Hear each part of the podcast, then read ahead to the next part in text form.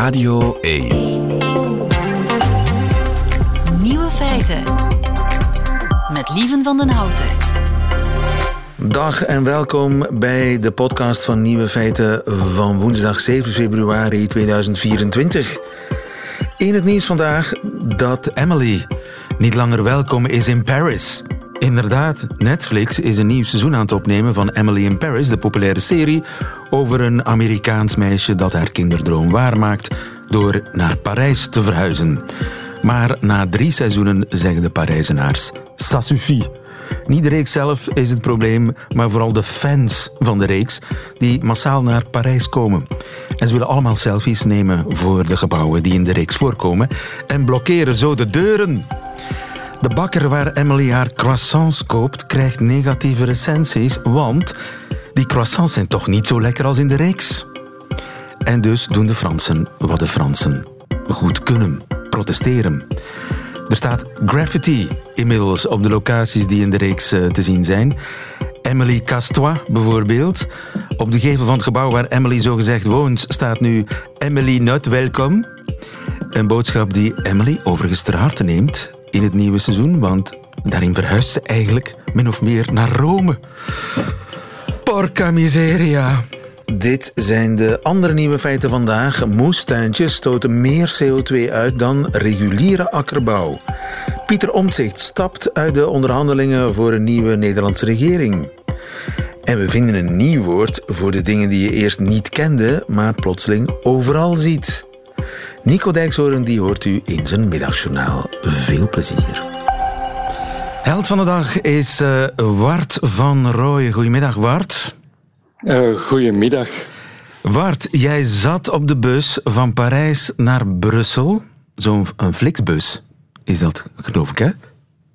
Ja, dat klopt. Dat was uh, zondag. Dus we kwamen van, terug van een weekendje Parijs uh, richting Brussel. Wat is er toen gebeurd? Um, ja, ik was eigenlijk gewoon een beetje op mijn computer aan het werken en uh, podcasts aan het luisteren. En opeens voelden we de bus die uh, de vangrail raakte aan de rechterkant. Oeh. En ja, dus uh, een, een, schok en ik hoorde iedereen roepen. En, ja, dus, en dan ben ik onmiddellijk rechtgesprongen, want ik, ik had zo ja, een, een, een, snelle ingeving dat die chauffeur waarschijnlijk in slaap gevallen was. En ik ben naar voren gerend in de bus. En toen ik naar de chauffeur keek, dan zag ik dat hij um, ja, eigenlijk zeker niet bij bewustzijn was. Dus die was, zijn ogen waren wijd open, zijn mond stond wagenwijd open. En die was heel hard aan het transpireren en hem aan het bibberen. Dus ja, ik heb onmiddellijk gereageerd en ik heb het stuur overgenomen, want ik kon door de vooruit zien dat we richting de middenberm aan het gaan waren, oh aan hoge snelheid. Dus ik heb het stuur kunnen overnemen en uh, eerst ja, de bus onder controle kunnen houden. En tegen dat, we, dat dat min of meer in orde was en dat we dus rechtdoor aan het rijden waren, heb ik um, proberen uh, langzaam te remmen en langzaam naar de middenberm te gaan. Ik kon niks door de spiegels zien, dus ik dacht ik ga gewoon heel langzaam opschuiven, zodat er, als er auto's zijn, dat die zeker uh, kunnen uitwijken. Ja, maar en, hoe kom je bij die pedalen? Uh, dat was een beetje lastig, want die buschauffeur zijn benen zaten daar nog. Nu, ja, een, bus is natuurlijk niet gelijk een auto waar dat je moeilijk uh, aan kunt. Dus ik kon wel met mijn, met mijn been, kon ik zijn, zijn been wat opschuiven en kon ik zo voelen, al voelend de pedalen zoeken. Maar ik wist natuurlijk ook niet goed waar dat die rem en gas en zo staat bij een bus. Allee, ik veronderstel dat dat hetzelfde is. Je had nog nooit met een bus maar, gereden? Nee, nee, nee, ik had nog nooit een bus gereden. Maar dus jij stond eigenlijk recht, want die, die, die chauffeur zat nog op zijn, zijn stoel. Ja, ja, ik stond zo eigenlijk op, uh, half op zijn schoot, half op één been en dan Jeetje. half met mijn andere been proberen de rem te zoeken. Um, maar dat ging eigenlijk op bij al nog vrij eenvoudig. En dus je, je, je bent kunnen naar de backstroke gaan en, en afremmen?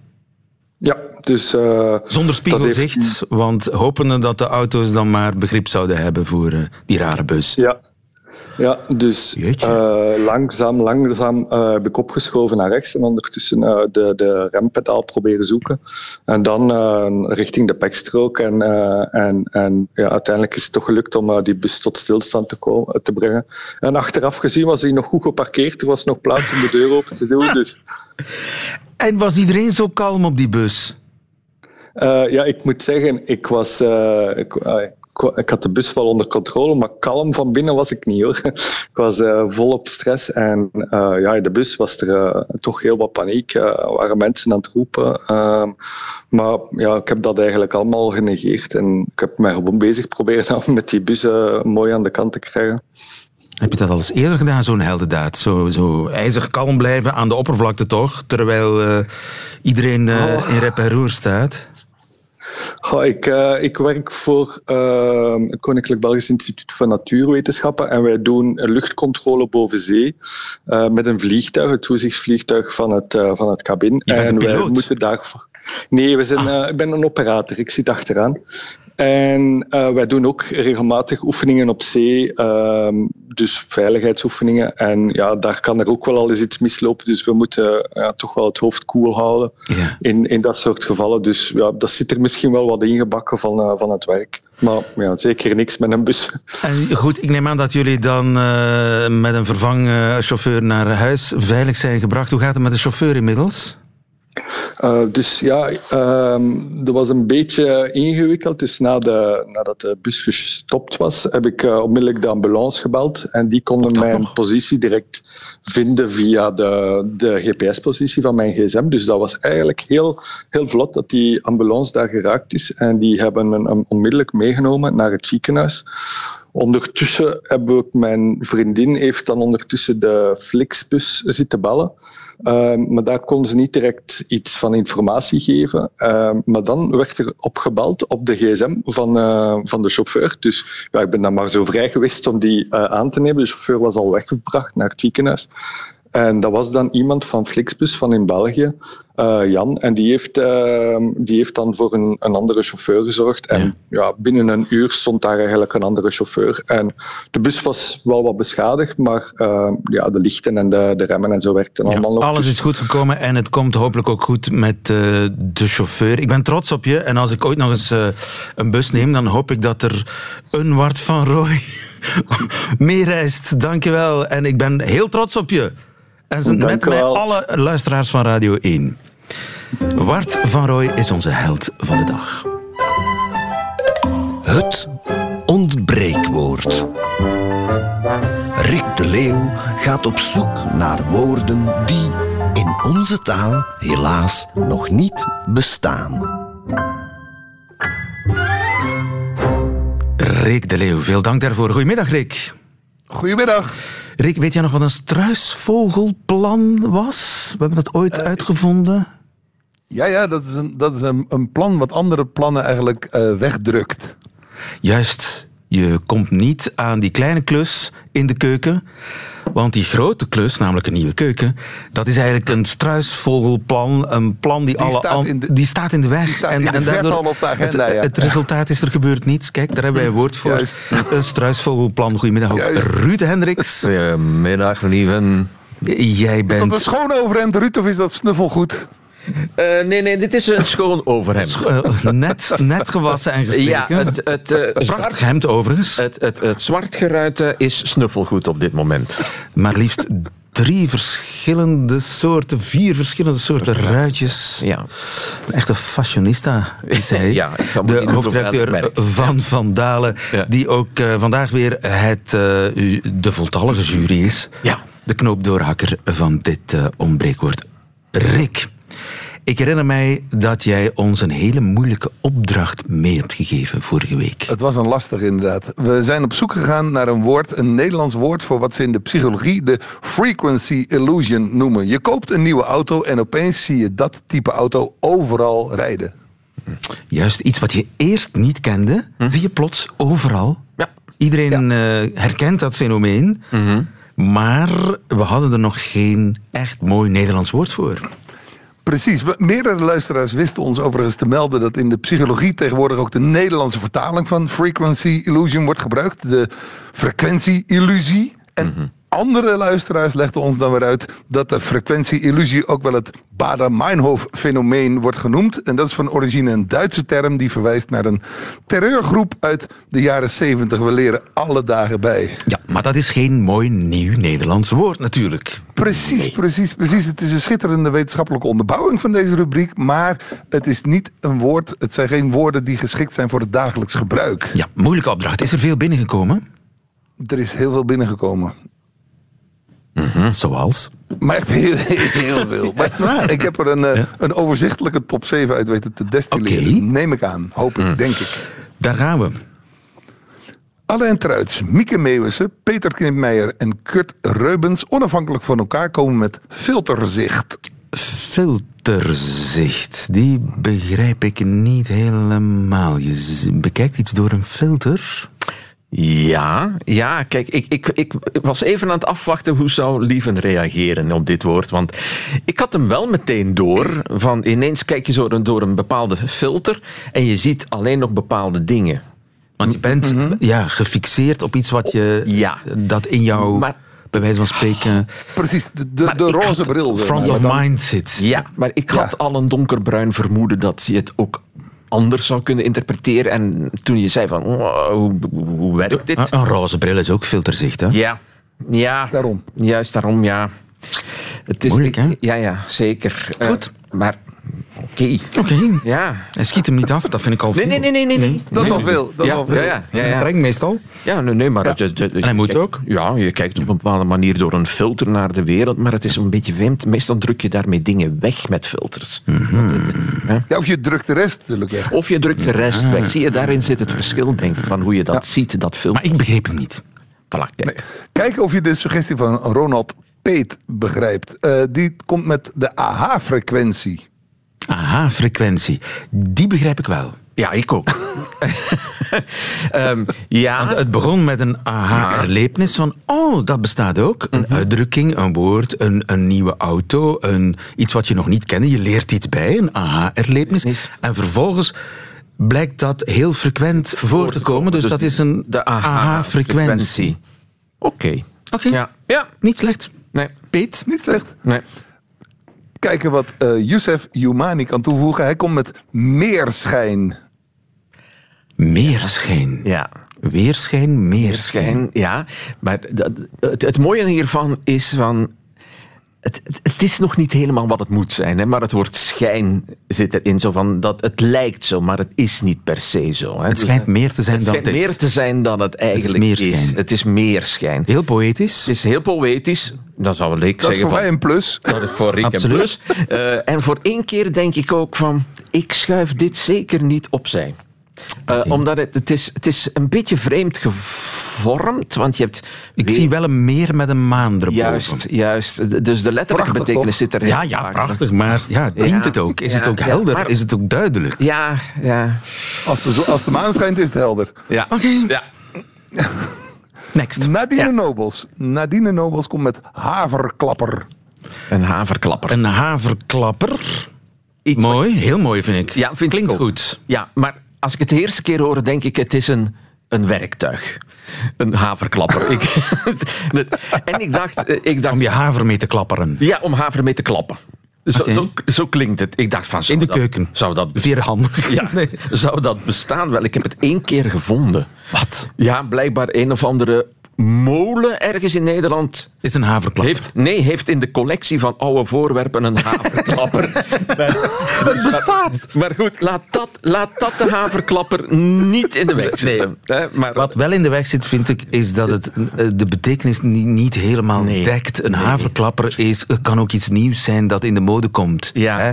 Ja. Stel je voor dat dat hemd van jou, met, Ja. die, met die acht verschillende soorten ruitjes, dat dat plotseling, eh, dat iedereen dat wil, nadat jij dat gedragen hebt Nieuwe Feiten. Ja. Eh, je moet eens naar de webcam kijken, mensen die daar kunnen... Ja. ehm, dat, dat zou dan een haverklapper kunnen zijn. ja, dat zou wat- kunnen. Ja. Zie je, je kunt het woord op verschillende manieren invullen. Oh ja, maar dat, dat het eerst onbekend was, dat Ja. dat het eigenlijk er altijd al geweest is, maar dat jij Ja. het niet zag. en Dat, je dat, dat zit er niet in. ja, ja, inderdaad. Het wordt moeilijk vandaag, hè? Ja, het is een moeilijke opdracht, maar En, daar, wij zijn eh, mij vooral wij opvalt ervoor niet terug. Ja? Wat mij vooral opvalt, dat is dat jullie alles afwijzen. Ik ben, ik ben strenger dan Straks jou. ben ik nog de, de, degene die denkt van, maar, maar dat kan toch allemaal prima. Oké, ja. we gaan door. Mark Kegels, Ariane Vergult en Geert Bouwens komen onafhankelijk van elkaar met oppoppers. Ja, eh, dat doet me te veel denken aan een pop-up. Zo van eh, iets wat er toevallig... Een, een Nederlands woord voor een pop-up restaurant of zo. Een oppopper. Vind je niet? Dat het... ehm, Poppers is ook iets uit de seksindustrie, hè? ja, oké, maar... ehm, We zijn er weer.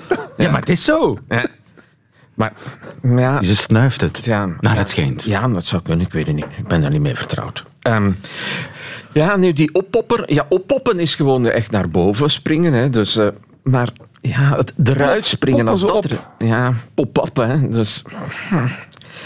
hm. Ja, eh, ik, ik denk dat dat iets is dat er ineens echt is, zo'n beetje zo. Het doet me denken aan flashmobs en zo. Van, eh, snap je dan van? Ja. eh, ineens springt iedereen Ah, ja, om ja, recht ja. of Ja. rijnt en zo van, kijk, hier zijn we. Dat zijn oppoppers. En, Ja.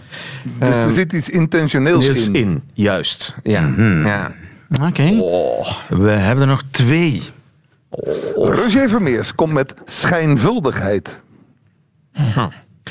Ehm, d- daar zit dat woord schijn in. Eh, maar als eerste element van een woord duidt dat er meestal op dat het het andere er niet is. Hè? Een schijn... eh, Huwelijk. Hè, schijnhuwelijk is een huwelijk dat er eigenlijk geen is. Een schijnvertoning is ook niet echt heel authentiek en echt. Ja, dus eigenlijk schijnveelvuldigheid. Vuldigheid, juist. En dus hij heeft dat samengetrokken tot schijnvuldigheid. Kan toch? Dat kan, dat kan. Maar toch, ja, en, ja, en het blijft kloppen eigenlijk wel. Hè? Dus de vuldigheid eh, is slechts schijn. Ja. Ik, vind het, ik vind hem goed. Ja, ja, ja. Het is een, Schijn- beetje, het is een beetje vreemd gevormd, maar het... het, het Er zijn juridische bezwaren, ja. maar eh, ja. ja. ik wijs het ook niet af. Nee. Het wordt Nee. het We kunnen het een nee. kleine periode van... eh, Schijnveelvuldigheid, eh, schijnvuldigheid. Het, ja. Je kunt er ook schijnveelvuldigheid van maken als je dat... eh, ja, maar dan wordt het weer zo lang. Het hè? wordt te lang, hè? Goed, nog één. Te lang, te Ja, lang, te nog lang. één. Eh, Patrick Collimont komt met menigmaliseren. Kijk, Menigmaliseren. Vind ik ook veel te lang al om te beginnen. En is dat anders dan ver- vermenigvuldigen? Menigmaliseren? Menigmaliseren, wel, wat er mis... Enfin, mis. Wat er niet... Je, je weet, ik en mijn lijstjes. Eigenlijk maak je werkwoorden op iseren met als het eerste element van eh, niet-Nederlandse afkomst is. Zoals banaliseren, maximaliseren, minimaliseren. En het eerste woord is meestal een naamwoord. En hier is het een bijwoord van frequentie. Jezus Christus. En dus... Ja, maar ja, kijk, hoor het al, ik, Patrick ik, ik til het niveau van de discussie een beetje op. Ja, ja, ja, ja, ja. ja. Ehm, dus eigenlijk, ge- puur grammaticaal gezien, is het niet wel gevormd, zoals dat dan heet in Ja, de ja. grammatica. Maar het We klinkt moeten- weer goed. Ja, hè. zo ken ik jou. Nee, nee, daarvoor ben je hier. Ja, ja. Maar nu, Maar nu, aha, ik zou eigenlijk een tromroffel... Dus ik moet, welke- ik moet eigenlijk welke een tromroffel suggesties- hebben. ja, ja welke suggesties, welke suggesties zijn er nog in de race? Ja, ik zou toch het zoiets willen hebben welke als moet je de, kiezen? de meerschijn, de schijnvuldigheid. Zoiets. Met dat schijn vind ik wel. Ja, nee, hier knikt er. Ja, ja, ja, ja, ja, ja. meer schijn, schijnvuldigheid. Ja. Ik, eh, eh, Zullen we voor het poëtische gaan? Rick. Ik, ben onmiddellijk voor. Oké, Dan Je weet het. ik leg mij neer bij de meerderheid. Dan wordt het meerschijn. Meer schijn. Wow. Het schijnt meer dan, Dan het er is. eigenlijk is. En dat klopt, dan klopt het eigenlijk wel. Meerschijn is het ontbreekwoord vandaag voor iets wat je eerst niet kende en plots overal ziet. Ja. Rick, nieuwe opdracht graag. Prachtig. Ja. Vorige week droomde ik dat ik weer in mijn allereerste woning in Amsterdam woonde. Die woning is al 40 jaar geleden afgebroken en bestaat dus alleen nog maar in mijn herinnering. Hoe noem je zo'n plek die alleen nog maar in je herinnering bestaat? Daar hebben we geen woord voor. Nee. Nee. Nee. Oké, volgende week hebben we daar wel een woord voor. Ja. Als het van eh, jullie afhangt, want het hangt van jullie af. Jullie moeten ons uh, overspoelen met allerlei uh, suggesties voor ja, huizen die inmiddels niet meer bestaan. Je ouderlijk huis bijvoorbeeld, mm. dat er eventueel mm. niet meer is. hoe noem je zo'n huis? Een spookhuis is het niet? Een, een ooit huis? Mm. Ik, ik, ben maar aan het uh, freewheelen. -hmm. De ontbreekwoordknop in de app van Radio 1. Dat kunt u gebruiken om uw suggestie naar ons te sturen. Of gewoon via de website van Radio 1, radio1.be. Dankjewel, heren. Graag gedaan. Radio 1. Nieuwe feiten. Pieter Omtzigt doet voorlopig niet meer mee aan de onderhandelingen over een nieuwe regering in Nederland. Nienke de Zoete, goedemiddag. Goedemiddag. Politiek verslaggever bij eh, NOS. Um, breng ons even weer waar we moeten zijn, want er waren verkiezingen drie maanden geleden in Nederland, herinner ik mij. Er waren twee grote overwinnaars, Pieter Omtzigt en Geert Wilders. Zij waren de twee grote winnaars en die zaten in een informatieronde onder leiding van informateur Plasterk samen met ja, de verliezer van, of een van de verliezers van uh, de verkiezingen, namelijk de VVD. Klopt. En die Plasterk die zou zijn eindverslag gaan maken, maar op de valreep stapt Omtzigt eruit. Ja, klopt. Het was een, een eerste informatieronde die nu bezig is, waarbij de partijen eigenlijk moesten kijken ja, zien wij het zitten om met elkaar verder te gaan praten. En uh, ja, vanaf het begin was duidelijk dat dat voor die partij van Pieter Omzicht wel moeilijk lag om met de PVV te gaan samenwerken. Hè, de partij van Geert Wilders. Die vaak natuurlijk een heleboel anti-rechtsstatelijke dingen heeft gezegd, uh, discriminerende dingen. Uh, en Omzicht is precies van de grondwet, van de rechtsstaat, precies, van de regels. Precies. Ja, en om die reden is die partij opgericht. En zijn natuurlijk ook mensen uh, voor die partij actief geworden. Nou heeft Geert Wilders in de verkiezingscampagne gezegd... nou, een aantal, hè, mijn anti-islam standpunten... die wil ik wel uh, voor de time being in de ijskast zetten. Want het gaat mij er nu om om het land beter te maken... zorgen voor bestaanszekerheid en de migratie te beperken. En uh, om dat te, dat te kunnen afspreken... ben ik bereid een aantal van mijn scherpste standpunten opzij te zetten. Ja. Nou ja, de vraag was dus de hele tijd... ja, kunnen die partijen met elkaar een soort basisovereenkomst uh, krijgen. Uh, ja, en nu heeft Pieter Omzicht gezegd, uh, nou voorlopig zie ik dat niet zitten. En waarom? Heeft hij een reden aangehaald waarom dat plotseling na drie maanden niet meer kan? Ja, nou, hij heeft een reden aangegeven. En die reden die is een beetje verbazingwekkend. Want nogmaals, dat dat voor die partij een lastige combinatie was, dat verbaast niemand. Dat die onderhandelingen ook niet echt soepel verliepen, verbaast ook niemand. Want dat konden we zien, want op X zaten ze allemaal elkaar de maat te meten. Maar de reden die Omzicht uiteindelijk aangrijpt, is een hele vreemde. Want hij zegt ja, op het einde, vrij laat eigenlijk, pas uh, eergisteren, hebben wij de nieuwste economische vooruitzichten gezien. Of eigenlijk gezien wat voor uh, tegenvallers er nog zijn op de begrotingen van ministeries. Ja, en daar zijn we zo van geschrokken. Ja, dat hadden we veel eerder moeten weten. En, en nu zien we geen basis om nu verder te praten. He? Dat is inderdaad heel raar. Hè? De financiën staan er slechter voor dan gedacht. En dus willen we niet meer reageren. Ja, en dat, dat is een rare reden. Maar het is ook eigenlijk dat hij zegt, hij suggereert dat hij niet goed is geïnformeerd door de informateur. Oh. Dat is ook al nogal een beschuldiging waarmee je eigenlijk het hele proces dus toch ondermijnt. Plasterk wist dat al langer en had dat al eerder moeten zeggen, zoiets. Ja, dat zegt hij. Maar ja, vanuit de mensen rond Plasterk horen we van nou, dat is heel vreemd. Want ik heb inderdaad die informatie opgevraagd hè, bij de verschillende ministeries. Zijn er nog tegenvallers? Ja, daar zit ook informatie bij die misschien nog niet openbaar mag worden. Misschien een een of andere rechtszaak of een claim die nog verwacht wordt. Dus dat moet allemaal netjes uh, ja, verzameld worden. En dan moeten we kijken wat kon er wel of niet openbaar. Uh, en dat, dat is gewoon een zorgvuldig proces. En dat kon niet eerder. Uh, maar al zou het wel zo zijn hè, dat, dat hij dat eerder had kunnen geven. Ja, dat zegt niks over die onderhandelingen als zodanig. Want dat was misschien een extra miljard dat nog bezuinigd moest worden. bovenop de vele miljarden die sowieso al bezuinigd moeten worden. Dus het lijkt echt alsof hij een soort vluchthevel ja. heeft gezocht. om op het eind er toch nog uit te kunnen stappen. Maar ja, is er een andere coalitie mogelijk dan die met die uh, drie rechtse partijen? Nee, ja, vier zijn het er zelf. Zit ook nog BBB bij. Oh ja, ja Eh, natuurlijk. dat is- ja, dat is BBB die er nog boerenpartij, bij. Hè, die de Ja. vorige keer zoveel gewonnen had, maar de laatste keer iets minder gedaan heeft. Maar, maar, maar daar wel bij deze onderhandelingen erbij zit. Nou, het, kijk, getalsmatig is het mogelijk, maar het lijkt zeer onwaarschijnlijk. Want eh, ja, PVV is de grote winnaar van de verkiezingen.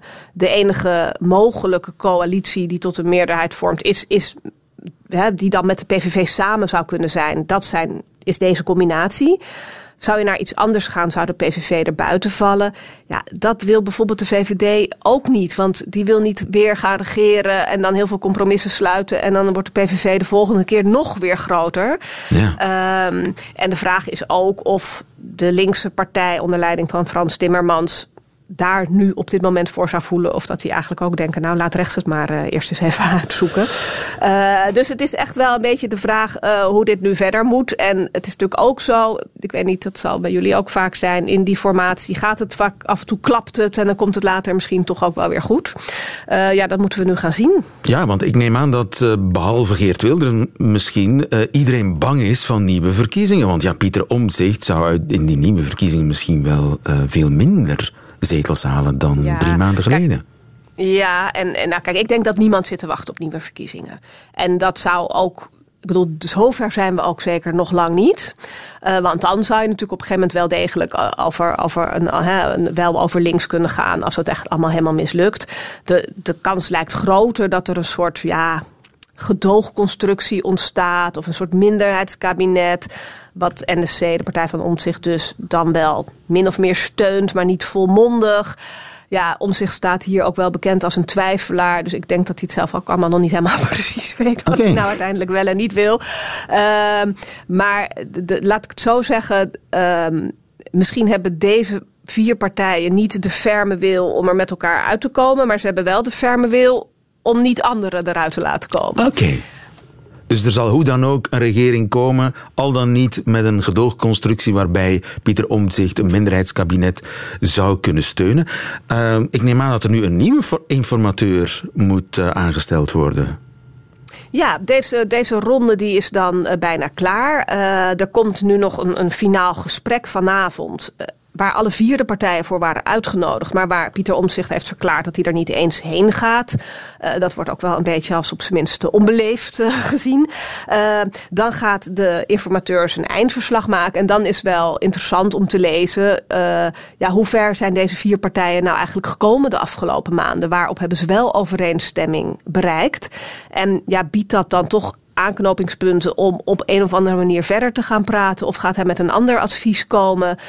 Dat duurt nog even. De partijen kopen nu ook een beetje tijd om het stof neer te laten dalen. En dan is te kijken van ja, zijn er toch nog mogelijkheden om op de een of andere manier verder te praten? Ik denk wel overigens dat dat heel lastig zal worden. Want binnen de partij van Pieter Omtzigt is er ook een aanzienlijk deel dat eigenlijk veel eerder al eh, de stekker uit deze onderhandelingen wilde trekken. Omdat zij zeggen wij willen überhaupt niet met zo'n partij samenwerken.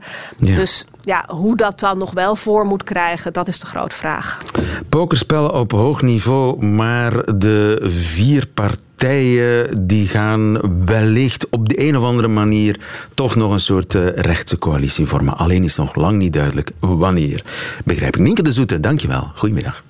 Graag gedaan. Nieuwe feiten. Kweekt u tomaten in uw stadstuintje of paprika's, pompoenen misschien? Lekker. Heel lekker en goed voor het milieu, zou je denken. Maar dat klopt niet. Tessa Avermaten, goedemiddag. Goedemiddag. Je bent landbouweconoom aan de Katholieke Universiteit van Leuven.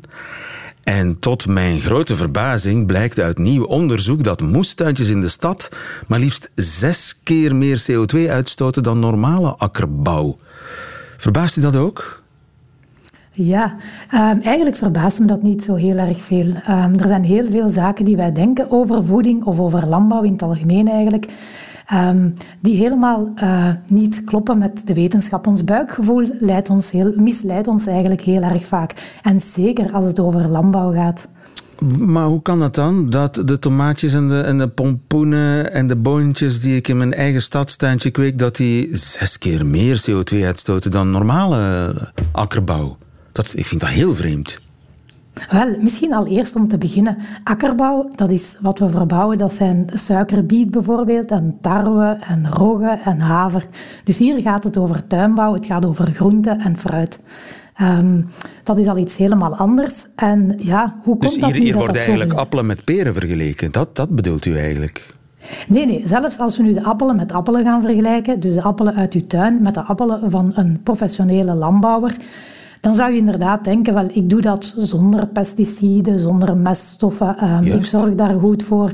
Dus dat zal wel heel veel beter zijn voor het milieu dan die boer die pesticiden gebruikt en meststoffen en die daar met zijn grote machines langs rijdt. Ja, en het gaat rechtstreeks van tuin naar bord. Dus hoe, hoe kan dat dan meer CO2 uitstoten dan, weet ik veel, iets wat eh, in een ander land wordt geproduceerd en helemaal vervoerd moet worden?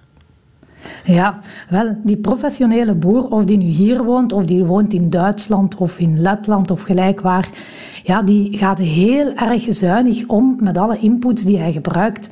Die gaat proberen om op een zo klein mogelijke oppervlakte zoveel mogelijk te gaan produceren. En die, die gaat ook verder bouwen op innovatie, op technologie, op kennis die er is. Terwijl hoe dat wij onze appelboom in de tuin hebben staan, ja, wij doen dat zoals grootmoeder dat vroeger deed. Ehm, wij, gebruiken zo, ja, wij gebruiken heel erg weinig, maar onze opbrengst is ook behoorlijk laag. En dat maakt dat eh milieu-impact en ook de klimaatimpact van wat je eigenlijk zelf doet in de eigen moestuin, dat die eigenlijk een heel pak hoger is dan die van de professionele boer. Juist, ja, je moet alle parameters in rekening brengen en dan is efficiëntie de sleutel. Dan is efficiëntie de sleutel. Wat natuurlijk absoluut niet wil zeggen dat je niet in je eigen moestuin mag bezig zijn en mag genieten van wat er in de eigen tuin ligt. Hè. Want wij zeggen als wetenschap heel vaak, als je goed wil doen voor milieu en klimaat, dan moet je niet kijken van waar je voedsel komt, ehm, of dat nu van Spanje komt, of dat komt van Marokko, of dat komt uit de eigen tuin. Je moet vooral kijken naar wat dat er op je bord ligt. En als dat gezond is, dan ben je eigenlijk al heel goed bezig. Maar de belangrijkste boodschap die ik onthoud uit wat u zegt is dat ja, kleinschalig en biologisch niet noodzakelijk duurzaam is. Nee, absoluut niet. Als je kleinschalig gaat werken of als je bijvoorbeeld biologisch gaat werken, en bij biologisch, daar zit een heel protocol achter, die mogen inderdaad geen synthetische meststoffen en pesticiden en dergelijke gebruiken. Maar de andere kant van het verhaal is natuurlijk dat het heel wat minder opbrengt. En dat betekent dan ook weer dat je heel veel meer, ru- meer ruimte nodig hebt om hetzelfde te gaan produceren. En daardoor komt het dat als wij LCA-analyses doen, dat zijn levenscyclusanalyses, dat die kleinschalige of minder intensieve landbouw er meestal eigenlijk minder goed uitkomt dan intensieve landbouw. Oké, dus als ik dan eh, eventjes uitzoom en eh, als, als ik dan naar die Green Deal kijk van Europa, die toch helemaal wil inzetten op precies biologisch en kleinschalig, dat is dan niet helemaal goed doordacht, of vergis ik mij? Daar zijn inderdaad heel wat opmerkingen die we moeten bij maken. Inderdaad, als we nu maar zomaar zeggen, zoals Europa inderdaad in de Green Deal stelt, 25% van het Europese landbouwareaal moet biologisch, dan weten wij dat we heel wat meer ruimte nodig hebben om hetzelfde te gaan produceren. Natuurlijk zijn er plaatsen in Europa waar het goed zou zijn mochten we die synthetische pesticiden en de synthetische meststoffen bijvoorbeeld gaan afbouwen. Bijvoorbeeld in Vlaanderen, waar we alles al heel intensief doen en waar we met heel veel mensen op een heel kleine oppervlakte leven. Daar is het interessant om veel te gaan minderen in het gebruik van al die inputs. Maar er zijn zeker regio's in Europa waarvan we zouden zeggen, kijk, ja, die pesticiden, die, die meststoffen die jullie gebruiken, dat is echt wel verantwoord. Alleen zou je het misschien wat efficiënter kunnen gaan doen. Door bijvoorbeeld aan precisielandbouw te gaan doen. Door een GPS te gebruiken en eh, technologie te gebruiken die maakt dat je heel nauwkeurig op een bepaalde plek pesticiden kan gaan gebruiken. En niet zomaar heel je akker gaan volspuiten, maar heel gericht gaan zorgen dat die opbrengst op een bepaalde plek zo hoog mogelijk wordt. Ja, en dan mijn eigen moestuintje, moet ik dan maar opdoeken dan? Nee, zeker niet. Ehm, ik neem aan dat als u een eigen moestuin heeft, dat u best wel geniet van de tomaten die daar staan of de pompoenen die daar staan. En dat is trots. zo belangrijk. Ja, Ik neem aan, u geniet daarvan, u maakt daar soep mee, uh, u bent trots als er bezoek is, uh, dat het uit eigen tuin komt. Houden zo, zou ik zeggen. Want wat er uit eigen tuin komt, dat is gezond. En die boodschap die is helemaal ondergesneeuwd onder al die andere boodschappen van duurzame voeding. Ja. We moeten zorgen dat wat op ons bord ligt, gezond ligt. En ik neem aan, wat uit uw eigen tuin komt, dat eet u met heel veel plezier op. Dus zou ik zeggen, blijven doen. Ja, en uh, kan ik, zijn er een paar vuistregels om mijn uh, tuinactiviteiten duurzamer te maken? Of minder CO2 te laten... Of, ja, kan ik iets doen om het, om het, uh, om het te verbeteren? Wel, gebruik als eigen tuinier in je eigen moestuin. Ga daar niet uh, te veel extra nutriënten op doen en dergelijke. Ik zou zeggen, gewoon genieten, gewoon het gezond verstand gebruiken en uh, dan bent u al echt goed bezig. Ja, daar gaat u nooit het verschil maken op vlak van milieu en klimaat. Tessa Avermaten van de Universiteit van Leuven, landbouweconoom. Dankjewel, goedemiddag. Heel graag gedaan. Nieuwe feiten. En dat waren ze weer, de nieuwe feiten van vandaag, woensdag 7 februari 2024.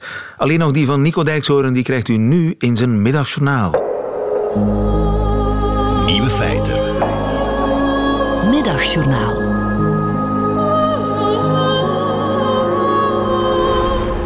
Beste luisteraars, ik wil hier altijd zo eerlijk mogelijk zijn.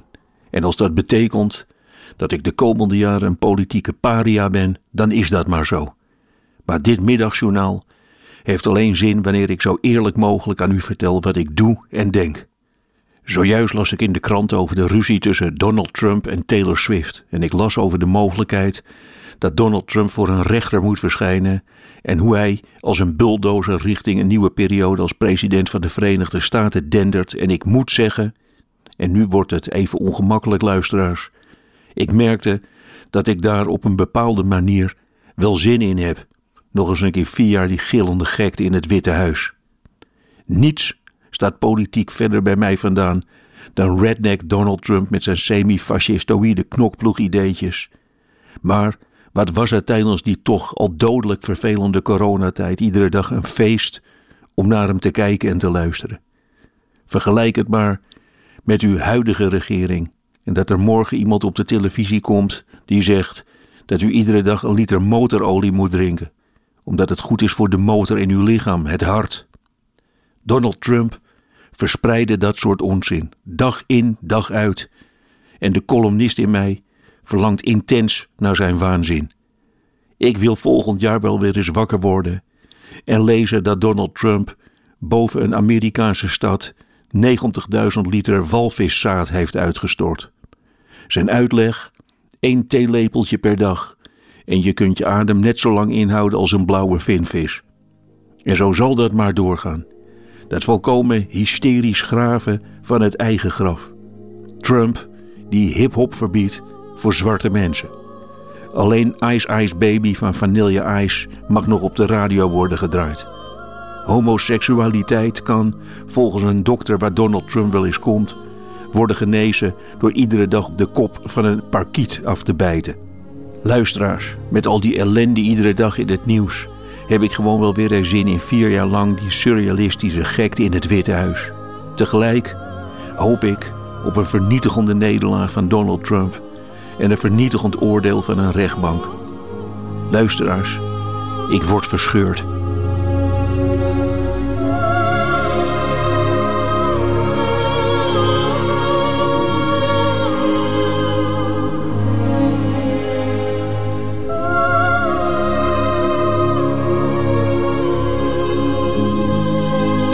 100% eerlijk. Onze Nico. Nico Dijkshoorn in het middagjournaal. Meteen het einde van deze podcast. Doet u liever de volledige nieuwe feiten?